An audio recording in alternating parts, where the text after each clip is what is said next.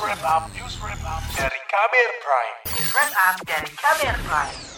Saling lempar berkas kasus pelanggaran HAM berat masa lalu masih terjadi. Penyelidikan Komnas HAM terhadap 13 kasus pelanggaran HAM berat sudah diserahkan Komnas HAM kepada Kejaksaan Agung agar ditindaklanjuti ke tahap penyidikan. Namun Menko Polhukam Mahfud MD menyebut sembilan berkas yang terjadi sebelum tahun 2000 masih menunggu keputusan DPR. Mahfud berdalih sembilan kasus itu terjadi sebelum tahun 2000 atau sebelum adanya Undang-Undang Peradilan HAM. Antara lain kasus penembakan misterius 1982, peristiwa Talang Sari Lampung 1989, peristiwa Trisakti, Semanggi 1 dan 2 pada 1998 hingga 1999, kemudian kerusuhan Mei 1998, penghilangan paksa 1997 hingga 1998, dan tragedi 1965. Sedangkan yang terjadi setelah tahun 2000 antara lain peristiwa Wasior Wamena 2002 dan 2003, peristiwa Paniai 2004, dan Jambo Kepo Aceh pada 2003. Keluarga korban pelanggaran HAM berat masa lalu menilai hal tersebut sebagai akal-akalan pemerintah untuk mengaburkan masalah. Salah satu korban pelanggaran HAM berat pada peristiwa 1965, Pejo Untung menyebut saling lempar berkas dari pemerintah dan DPR adalah upaya untuk mengaburkan inti masalah pelanggaran HAM berat masa lalu. Ini memang ada nuansa pemerintah itu ingin mengabulkan masalah dan bahkan ingin menjadikan kasus pelanggaran berat itu impunitas.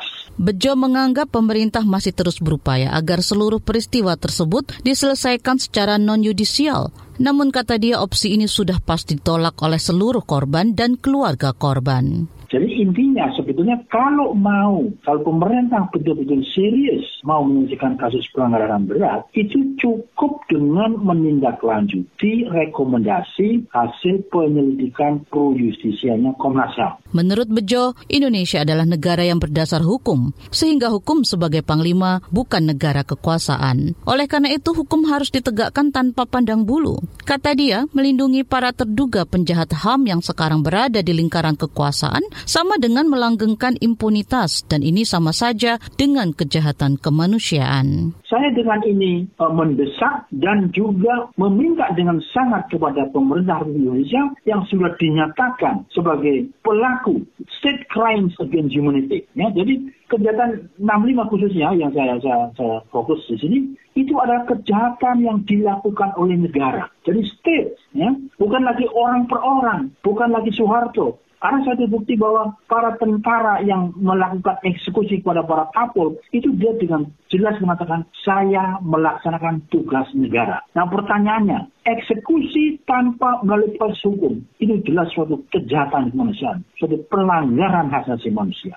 Hal yang sama diungkap Maria Katarina Sumarsih. Maria adalah ibu Bernardinus Realino Norma Irmawan alias Wawan, korban penembakan saat tragedi Semanggi 1 pada 11 hingga 13 November 1998. Inisiator aksi Kamisan ini menyebut pernyataan Menko Polhukam Mahfud MD tidak sesuai undang-undang tentang pengadilan HAM.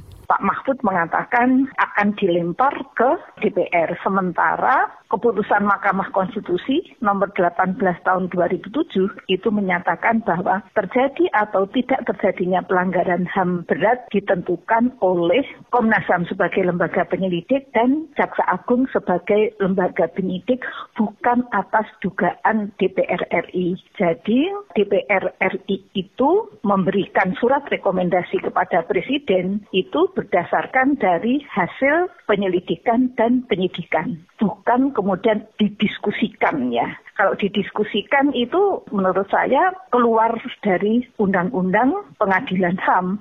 Sumarsih tetap mendesak agar penyelesaian kasus Semanggi satu yang menewaskan anaknya diselesaikan secara hukum. Jadi kalau misalnya akan diselesaikan secara rekonsiliasi, tuntutan kami keluarga korban adalah harus diadakan proses hukum dulu sehingga jelas siapa pelakunya, siapa korbannya. Nah, di dalam rekonsiliasi itu kan ada dua pihak. Jadi siapa yang memberi maaf, siapa yang meminta maaf itu harus jelas. Pijakannya adalah Indonesia negara hukum. Jadi kalau uh, akan keluar dari penyelesaian secara hukum atau akan diselesaikan secara non judicial berarti ya Indonesia tidak pantas lagi dianggap sebagai negara hukum tetapi Indonesia adalah negara impunitas, negara yang melindungi para penjahat baik penjahat HAM maupun koruptor. Demikian laporan khas KBR. Saya Fitri Anggreni. Kamu baru saja mendengarkan news wrap up dari KBR Prime. Dengarkan terus kbrprime.id, podcast for curious mind.